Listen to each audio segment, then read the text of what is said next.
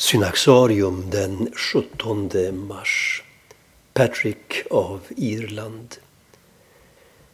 När minnet av Sankt Patrick firas den 17 mars bryts fastans stillhet för en dag på Irland och stora festligheter utbryter när irländarna firar sin nationaldag.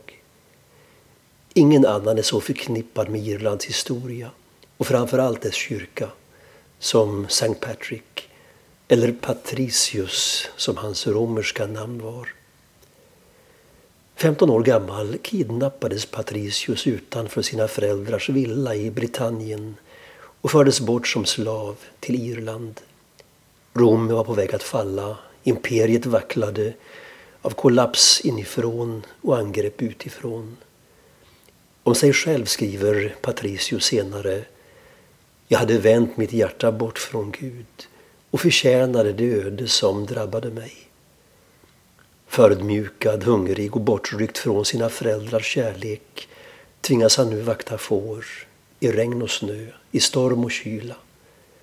Hans ensamhet förstärks av det utanförskap som det nya och främmande språket innebär. Katastrofen kunde inte ha varit större.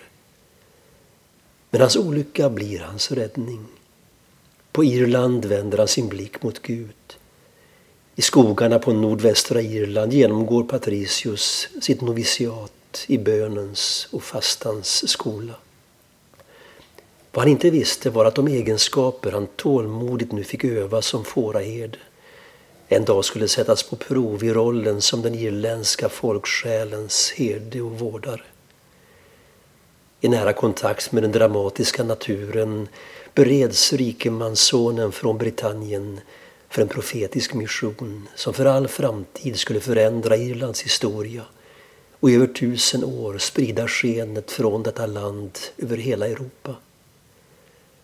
Vägledd av märkliga drömmar lyckas han efter flera år fly sin fångenskap och borda ett skepp som tar honom tillbaka till England. Men Patricius har inte mer än återvänt till tryggheten i hemlandet för han hör Gud kalla.